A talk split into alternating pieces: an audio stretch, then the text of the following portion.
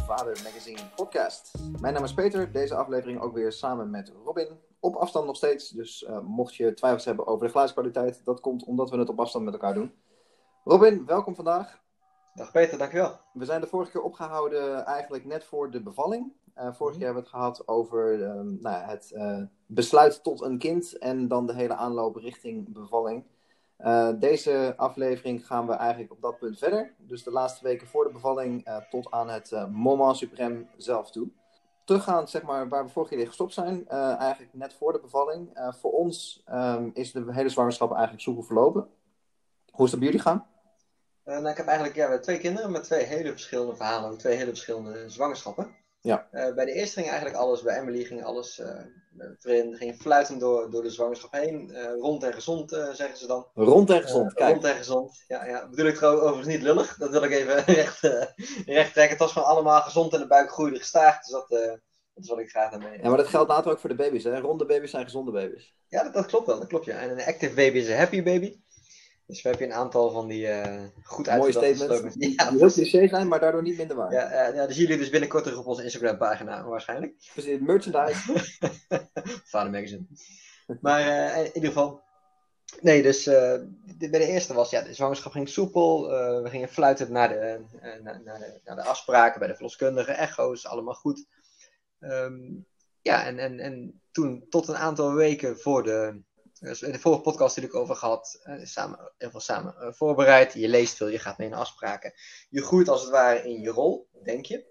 En ik merkte zelf dan tot een week of drie, vier voor de uitgerekende datum dat ik toch wel wat, wat zenuwachtig begon te worden. Uiteindelijk kwam natuurlijk echt in zicht.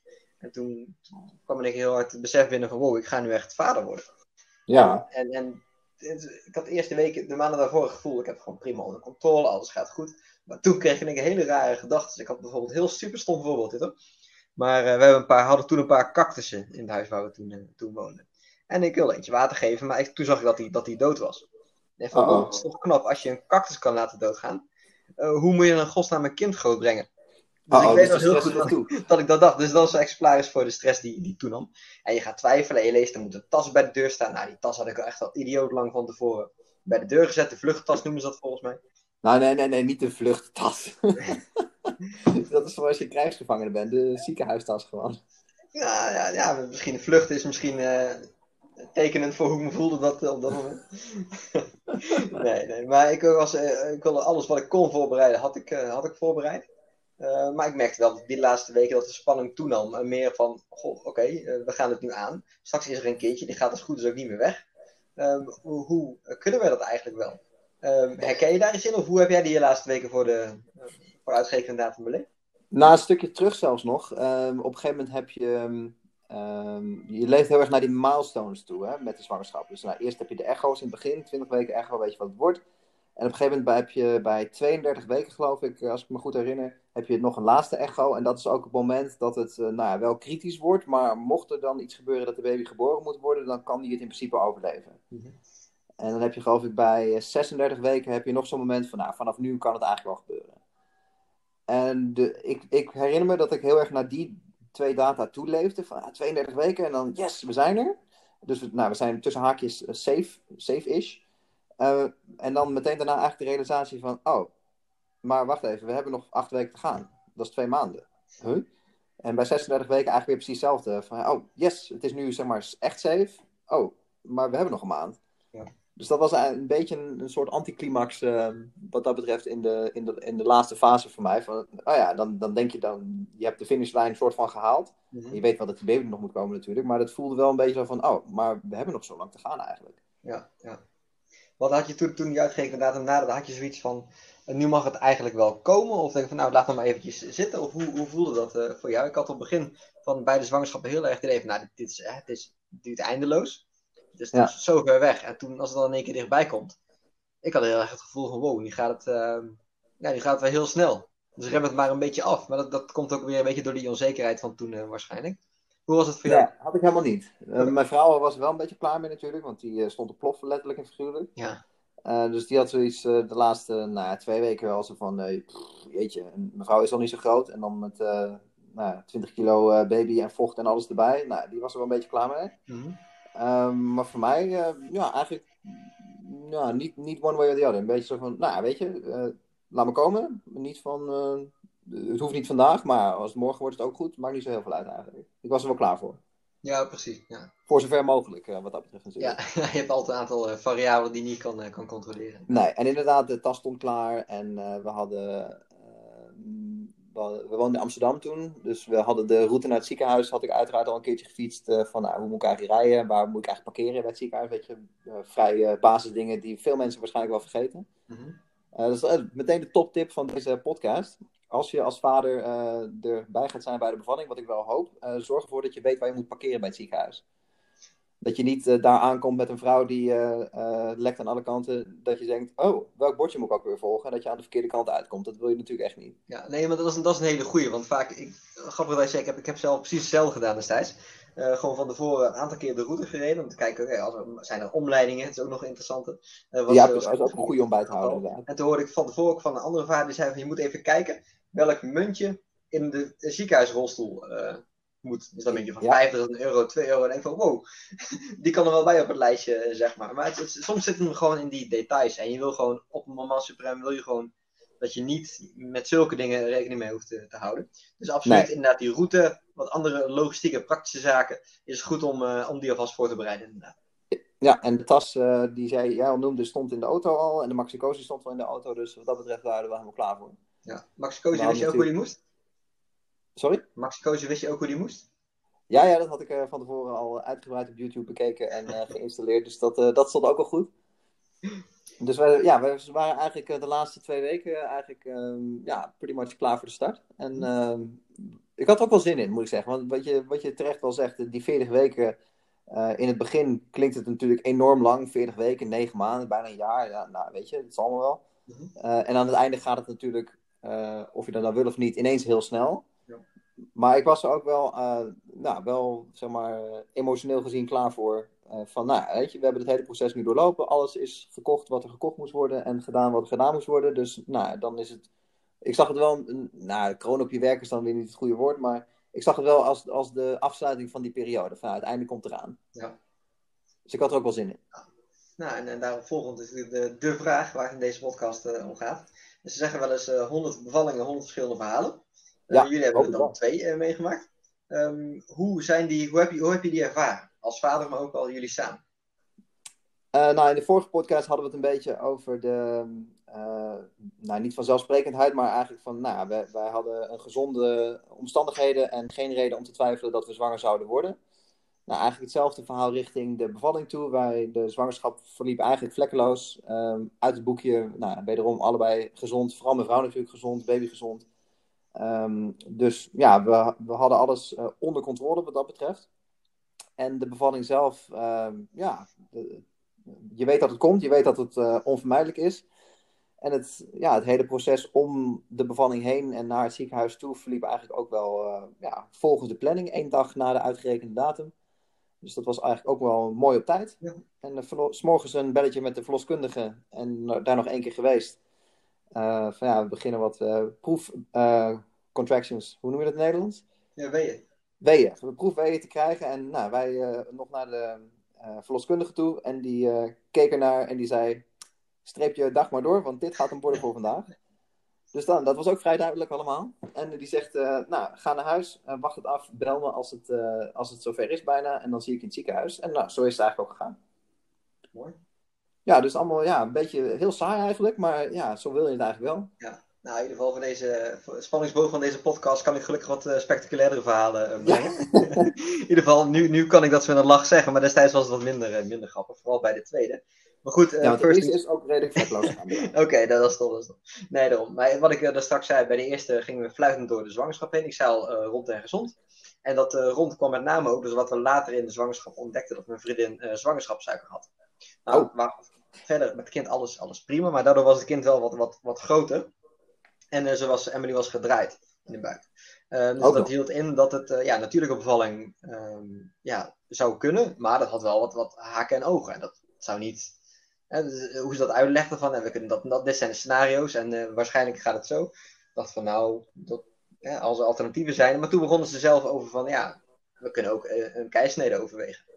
Nou oké, okay, dus toen een paar keer proberen het kind wilden zeggen, ja, we kunnen proberen of we het kind kunnen, kunnen draaien. Zeiden van, nou, prima, gaan we doen. Dus wij naar huis. Even over nagedacht, van, ja, we willen dat eigenlijk wel. En, en, en die, die, die, scenario's die ze zeiden, was ik van, ik zei, vroeg ik van, goh, als het kind gaat proberen te draaien en het lukt niet, wat dan? Zei ze, ja, dan, als, het, als de hartslag dan te snel daalt, dan kunnen we altijd nog een spoedkeizersnede doen. Ja, dat vond ik niet een heel tof scenario. Dus toen voor gekozen, joh, blijkbaar is dit hoe het kindje ligt, we laten dat zo. En toen voor een keisnede gekozen. Um, en uh, daar gaf ze eigenlijk, gaven ze ons eigenlijk wel groot gelijk en ook in, in het ziekenhuis. En dan krijg je een heel vreemd, uh, vreemde gewaarwording dat ze zeggen: pakken ze de agenda erbij. Oké, okay, willen jullie volgende week dinsdag of volgende week donderdag jullie kindje? En hoe laat dan? Ja, exact. Dus dan, dan ga je ook naar huis. En dan weet je van: oké, okay, er staat nu heel klinisch een afspraak in de agenda dat wij om tien uur s ochtends een kindje hebben. En dat is, dat is heel gek. Aan de andere kant is het natuurlijk wel heel, heel fijn. Je weet precies waar je aan toe bent. In ieder geval, dat, dat denk je dan.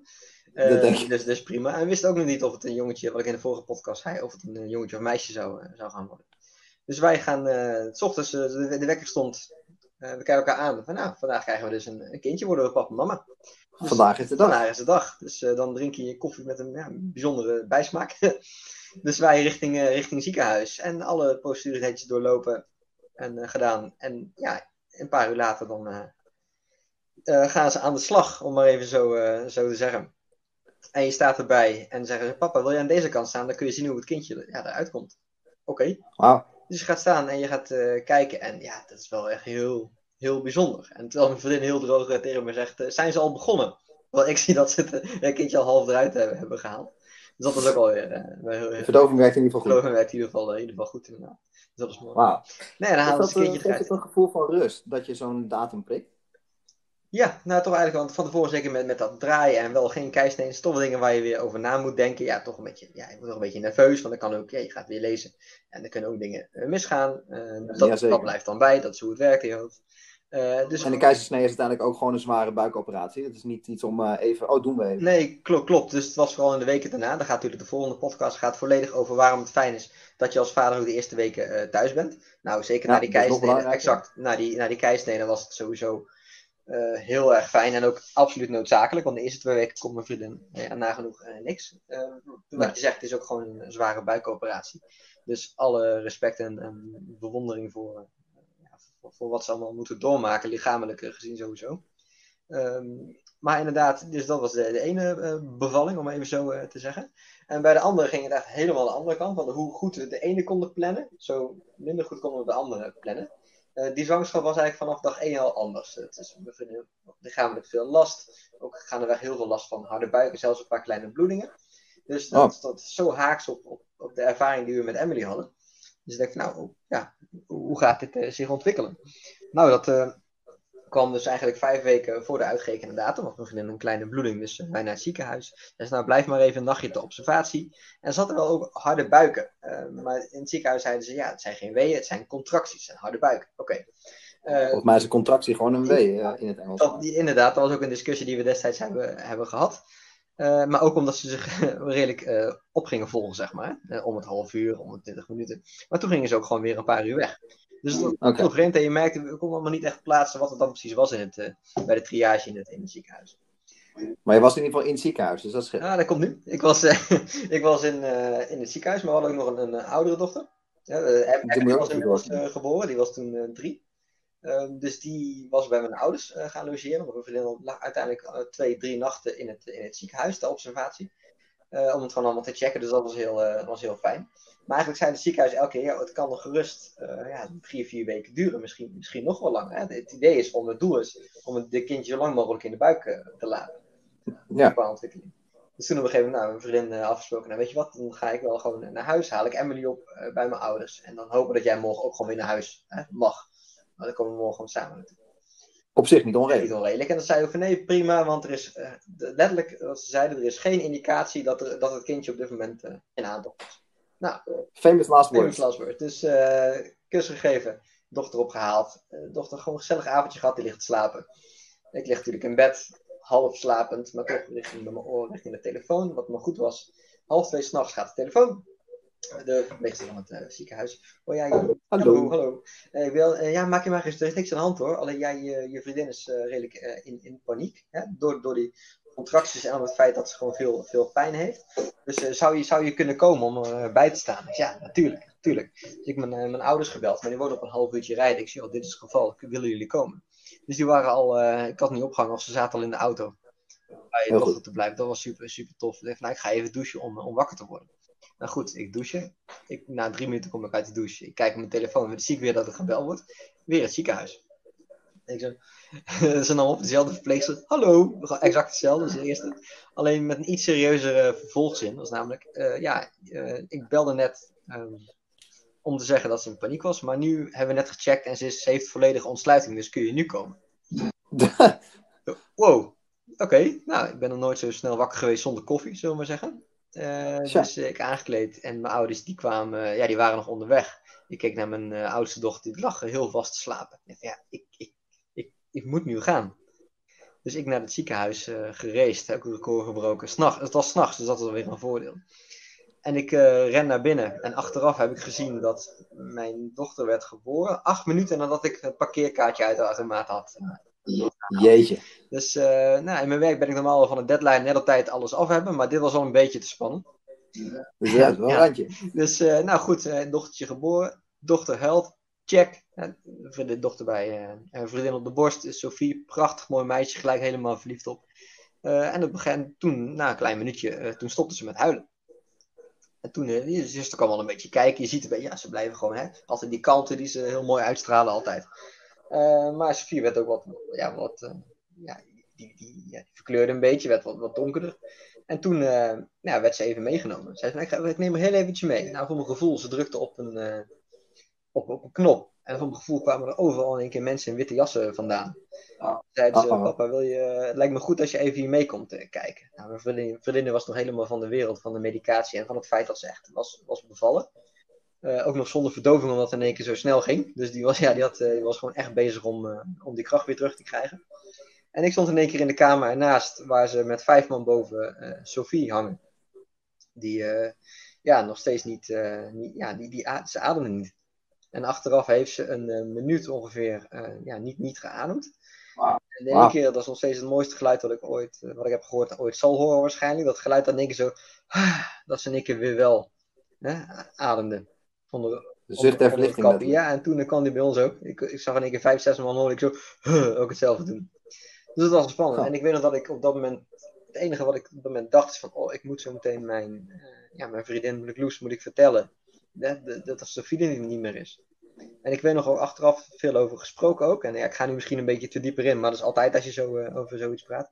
Um, ik weet nog dat het heel erg een uh, gevoel van verbondenheid voelde met, uh, met Loes ook, met mijn vriendin. Van, we doen dit samen. Um, en we hebben een heel mooi dochtertje. En ja, gaat ze het halen? En wow. uh, daarnaast moesten we nog voor een dagje naar het Sophia Kinderziekenhuis in, in Rotterdam. Um, ja, laat, ik kunnen we volgens mij nog een hele andere podcast een keer, een keer aanwijden. Maar laten we nu even, even praktisch houden. Um, achteraf heeft ze ook nog Sophia Rotterdam, toen weer terug naar het ziekenhuis in, in Breda, heeft ze alles bij elkaar een maandje in het ziekenhuis uh, gelegen. Um, dus wij elke dag op en neer uh, pendelen. Dus uh, ja, even om aan te geven dat bij ons de twee bevallingsverhalen heel erg verschillend zijn. En uh, ook die ervaring en gevoel, emotie zo anders is. Um, en ja, heel, heel bijzonder, maar bij allebei wel hetzelfde was. Het gevoel dat het kindje allebei ja, voor het eerst in, in je armen hebt. Um, ik, hoe voelde dat voor jou? Ik, ik, voelde het toen ze in mijn arm had. Toen, ik had, ik, de vorige podcast zei ik al, tijdens de zwangerschap heb je het gevoel. Uh, ja, ik, ik heb bij de echo zien van de echo het horen van het hartje uh, dat, dat je vader wordt. Maar ja. toen, ik, toen ja. ik ze allebei mijn dochters in mijn arm had voor het eerst, toen werd het echt wel overweldigd door die, ja, die liefde die ik echt gewoon in me voelde stromen van en naar mijn dochters. Ik vond het zo magisch bij gebrek aan een beter woord. Ik heb echt en eigenlijk al die onzekerheid die ik aanvankelijk voelde ook, hè, en aan de bevalling, die viel toen ook, ook weg. Ik dacht van, ik ga dit gewoon doen. Ik ben jullie papa en ja, ik, ik, ga er voor jullie zijn. Ik weet niet, hoe, hoe heb jij dat ervaren? Uh, ja, dat uiteindelijke gevoel hetzelfde. Was het, um, het ja, wat ik net al zei, het is, het is de, het crescendo van het hele mhm. proces. En uh, wat mij betreft twee keer het, het zonder twijfel absoluut het mooiste moment van mijn leven. Twee keer. Ja, dat zeggen ze dan, hè? Dat, dat, ook van, dat is ook, ook een van die clichés. Maar goed, zoals met clichés, ze zijn vaak wel waar. En uh, ik deel jouw ervaring inderdaad. Het is wel, als je, als je ze vast hebt, dat is, dat is echt met geen pen te beschrijven. Hoe, uh, hoe dat voelt en wat dat doet. Ik vind het ook heel moeilijk om dat uh, ook nu nog onder woorden te brengen. Hoe je dat, ja, van wat voel je dan? Ja, goede vraag. Zulke dingen. Sommige dingen nee, ik heb er geen, ook niet een woord voor of een, een beschrijving voor. Maar het, het is. er is een bekende YouTube-video van een basketbalcoach. die gevraagd wordt waarom een speler er niet is. En hij zegt: Ja, maar die uh, heeft, is nu een kind aan het krijgen. En dat is het hoogtepunt van human experience, zegt hij. Als je je eerste kind ziet, niets komt daarbij in de buurt. Geen titel, geen, geen trouwerij, niets. Daar, daar, dat is, kan, niets kan daarmee uh, wedijveren om, om de, de hoogste mogelijke ervaring die je als mens zult hebben.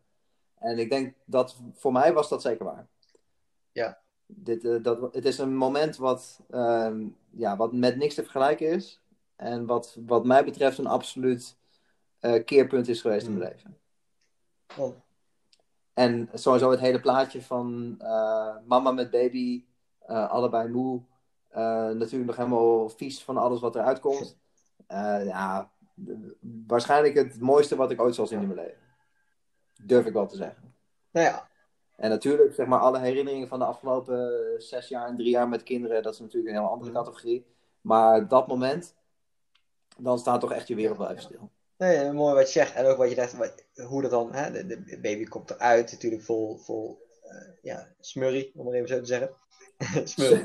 maar ook bij de tweede, als, de als ik er nu uh, terugdenk, uh, de bevalling van, het, van Sophie, geboorte was natuurlijk niet, ja, geen topverhaal. maar als ik nu terugdenk, wat overheerst, is wel het moment dat ze echt werd geboren en die eerste minuut, dat ze begon te huilen. En ook dat er daarna echt, dat ze bij mijn vriendin op de, op de borst lag, dat gevoel overheerst. Omdat het zo mooi ja. is en alles, al die dingen daaromheen, waarvan een ander, ander misschien zou denken van, nou dat, uh, ik moet nog eten, weet je. Dat, dat maakt dan eigenlijk allemaal niet uit, omdat het niet daarom gaat. Het gaat om het kleine mensje daar, dat nu gewoon voor altijd bij jullie hoort. En ik vond dat zo, en dat is wel goed om nog even te vertellen voor de luisteraar. Kijk, ik zei net al, 100 bevallingen, 100 verschillende uh, verhalen. Uh, dit is toevallig, uh, ja, het zijn onze verhalen en de geboorte van mijn tweede dochter is, ja, het is, ik kan het niet mooier, mooier maken, het is wat het is. Maar het is, nee, het is geen mooi verhaal. Maar het is een verhaal en haal eruit wat je eruit wil halen als luisteraar zijnde. maar andere dingen, vergeet het gewoon weer, want het zegt helemaal niks over hoe de bevalling bij jullie zal, zal gaan. maar goed, dit zijn verhalen en het, ja, de podcast is bedoeld om ervaringen te delen. Uh, en ja, dit is. Uh, vaderschap vind ik zelf voor, ja, bijna 100% gewoon prachtig en mooi. Maar er zitten ook wat, wat spannende andere, andere kanten aan, die we ook nog een andere aflevering naar voren zullen laten komen. Maar goed, ja, het is wel, ja. Uh, ja, het is wel een, ja, het is wat het is eigenlijk. Daar komt het, uh, komt het op neer. Dus, dus haal eruit wat je eruit wil halen. En vergeet alsjeblieft wat je niet uh, ja, mee wil nemen uit dit gesprek. maar goed, het zijn, het zijn verhalen die ook verteld ja, moeten worden. Uh, maar wat, wat overheerst, hoe zo'n bevalling ook gaat, of zo'n keisnede ook gaat. Op het moment dat je je kind dan voor het eerst in je armen houdt, ja, dat, dat is zo'n allesveranderende life-changing event. Dat, uh, daar kan niks tegenop. Nee, zeker niet. Nee, ben helemaal mee eens. Wat mij wel uh, nog, nog steeds bij is gebleven, is hoe klein het babytje ja. was. Want je ziet natuurlijk in, op alle echo's en en de grote bolle buik, denk je van, eh, jeetje, nou, daar, komt een kind uit. En dan, nou, ze hebben dan schatting hoeveel het kind zal wegen. En die curve die we al in de vorige podcast noemden, uh, daar wordt natuurlijk ook veel over gesproken. Nou, en dan denk je, oh jeetje, er komt een kind aan. En dan komt het kindje en dan is het van, jeetje, that's it?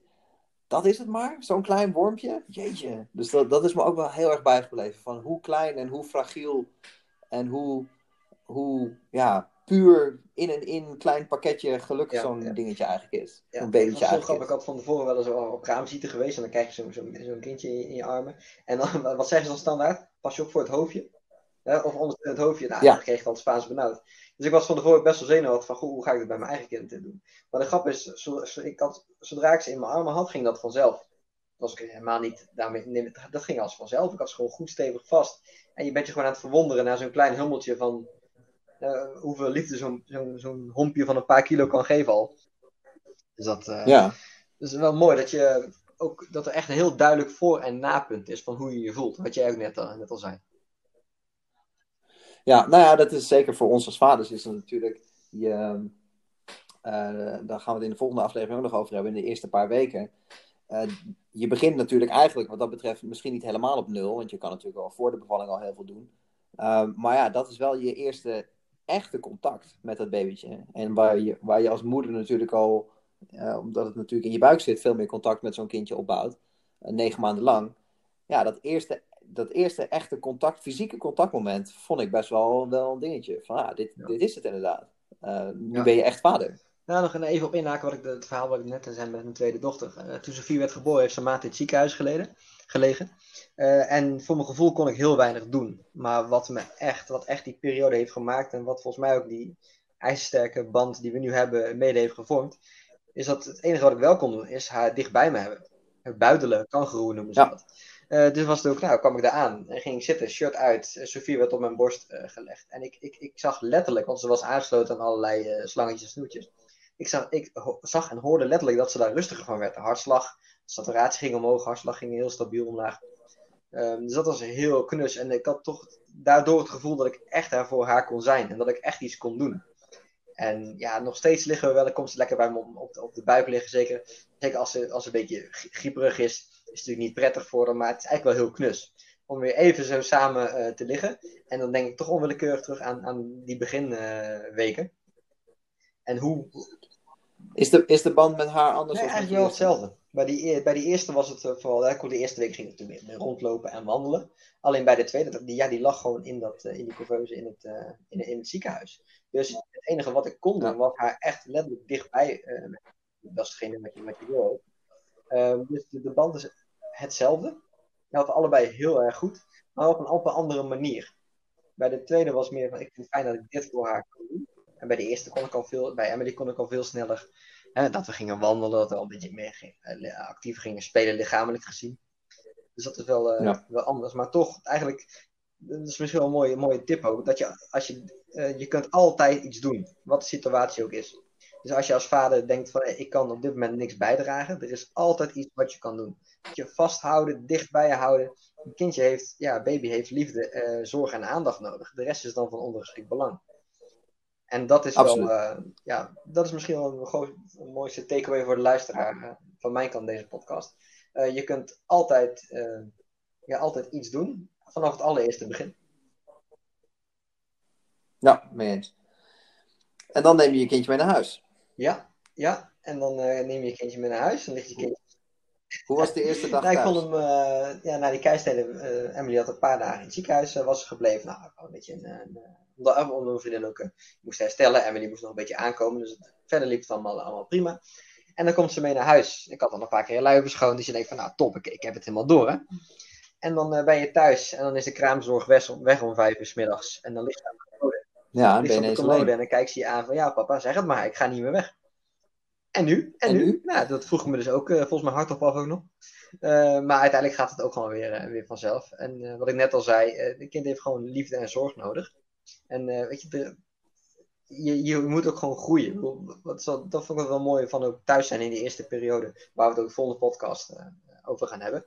als je iets niet weet, probeer het. Of vraag het aan je partner. Nou, weet zij iets niet, vraag het aan jou. Of probeer het gewoon samen. En het komt eigenlijk altijd wel altijd wel goed. Of vraag het in de eerste week gewoon aan een kraamhulp. Echt een, een, een wandelende kennisbank is. Dus, Ja. uh, maar eigenlijk het gewoon gaan doen heeft mij wel heel erg geholpen om ook echt gelijk stevig in mijn vaderschap uh, te gaan staan ook. Gewoon echt actief die zorg op je te nemen en het echt gewoon gaan doen. Uh, verschoon die luier, verzorg het badje, loop rond totdat ze een boertje heeft gelaten. En ja, met elke verschone luier had ik echt wel het gevoel dat ik dat ook mijn zelfvertrouwen groeide als vader. Ik weet niet hoe is dat voor jou uh, Is dat een uh, karaktertrek in het algemeen? Dat jij meer van het. Uh, van, ga maar gewoon doen bent en we zien wel hoe we het gaan ik, ik, ik, wil eerst altijd uh, alles voorbereiden of anticiperen. Of ik wil precies weten wat er gaat gebeuren. Alleen dat weet je niet. Dus dan moet je ook al heel snel loslaten. Nee. En dan is het gewoon een kwestie van ga het maar doen. En het mooie van die aanpak is dat je ook gewoon heel snel leert om je kinderen te lezen. Als je een bepaald geluidje hoort, hè, dat had ik na, na, na, een paar dagen al. Als ze dat geluidje maakten of hè, op die manier bewogen, dan wist ik van, oh, ze, ze heeft honger. Of dit, oh, ze heeft last van, last van een maagje. Dus ja, je leert je kind gewoon, gewoon lezen, kijken naar je kind en dan aanvoelen wat ze, wat ze nodig heeft. En het, geeft, het geeft wel een, een vertrouwensboost als blijkt dat je dan daarmee in de goede richting zat. Dat klopt, je moet elkaar staan leren spreken. Hoe, hoe, heb jij dan die eerste... Want jullie mochten vrij snel weer naar huis volgens mij, in beide gevallen? Ja, wij hadden eigenlijk, uh, we waren om vier uur gingen we richting ziekenhuis. Om zeven uur is uh, Robert geboren en om, uh, nou, we waren voor elf uur weer thuis. Dus dat was een snel rondje. En met Jack was het, nou ja, duurde ietsje langer geloof ik, maar dat was eenzelfde soort procedure in principe. Um, ja, met de eerste is natuurlijk, dat is de meest bijzondere, omdat je nou, natuurlijk geen idee hebt hoe en wat. Dus dan, ja, parkeer je de auto en pak je de Maxi Cosi uit en dan sta je ineens op, die, op je, bij je voordeur met je kind in je hand, mhm. letterlijk en figuurlijk. Uh, ik heb de eerste nacht niet geslapen. Mijn vrouw was natuurlijk helemaal uitgeteld, dus die uh, viel meteen in slaap. Uh, maar ik heb echt um, ja, uren met bewondering naar dat kleine wormpje zitten kijken. En hij mocht nog bij ons in bed ook zelfs, want we wilden hem niet alleen mhm. laten in zijn wiegje. Uh, dus ik heb niet geslapen. Ik was natuurlijk uh, ja, benieuwd naar wat hij, wat hij deed. Maar ja, goed, de baby was ook moe, dus die lag ook te slapen. Dus eh, ja, ik had dan wel even een, eh, een moment met mezelf, terwijl de rest sliep, dat ik dacht van ja, goh, jeetje, ja. nu is hij er. Dus dat was wel, uh, ja, wel nou, grappig niet, maar ja, wel een leuk moment. Uh, even met mijn eigen gedachten alleen, uh, s'nachts met de baby en mijn vrouw die uitgeteld naast me lagen in bed. Um, en ja, de volgende dag kwam de kraamzorg. Dus toen uh, was het inderdaad vooral veel vragen stellen en kijken hoe zij de, de luierwisseling en het badderen en dat soort dingen deed. Vooral afkijken natuurlijk. Maar wat me vooral nog wel bijstaat van zeg maar, die eerste dag, is hoe natuurlijk het eigenlijk um, kwam allemaal. Ja, ik ben, ik ben niet onhandig of zo. ik was ook niet, niet echt bang dat ik de baby liet vallen of zo. Ehm, ja, dat, dat zelfvertrouwen heb ik dan nog wel. Um, maar van, oh, precies wat je zegt, je moet die baby leren lezen. Maar eigenlijk vanaf vrij snel al van, oh, hm, baby maakt dit geluid. Oké, misschien luier? Nee, niet luier. Oh, eten dan? Oh, eten. Ja, oké, werkt. En volgende keer weet je het. Uh, dus dat, ik, het viel me wel op dat dat, uh, dat het zeg maar, vrij natuurlijk kwam, al dat, ja, alle dingen om een baby heen. Van verschonen tot, tot uh, badderen, tot eten geven, tot boertjes maken. Dat, ik vond het wel apart dat dat natuurlijk ja. tussen haakjes kwam. Zo Rob, ik had van tevoren ja, eigenlijk alle boeken, alle research uh, ten spijt. Op het moment dat, dat ze echt geboren waren. Ja, dan ga je toch op je, op je eigen manier uh, invullen. Op de manier die goed voelt. En waar, waar je denkt dat je goed aan doet. Dat is inderdaad wel, wel fascinerend. Ja, precies. Om te zeggen, goh, hoe, hè, hoe, hoe, kan het dan dat dat zo natuurlijk gaat? Is dat dan gewoon echt puur instinct? Wat denk jij? Ja. Denk het wel. Want als je, ik weet nog wel, als ik wel eens, ik had nu heel veel vrienden met kinderen destijds. Maar de mensen, als een baby dan ergens huilde, uh, oh, hij heeft vast honger. Ik dacht van, ja, zal wel. Uh, maar toen ik zelf een kind had en ik hoorde een baby huilen, zei ik, oh nee, hij, hij moet nu eten. Huh? Hoe bedoel je? Ja, hetzelfde huiltje. Dat, je dat, ding, dat soort dingen pak je dan toch op. En ik denk dat dat wel uh, ergens heel diep in onze genen ergens zit.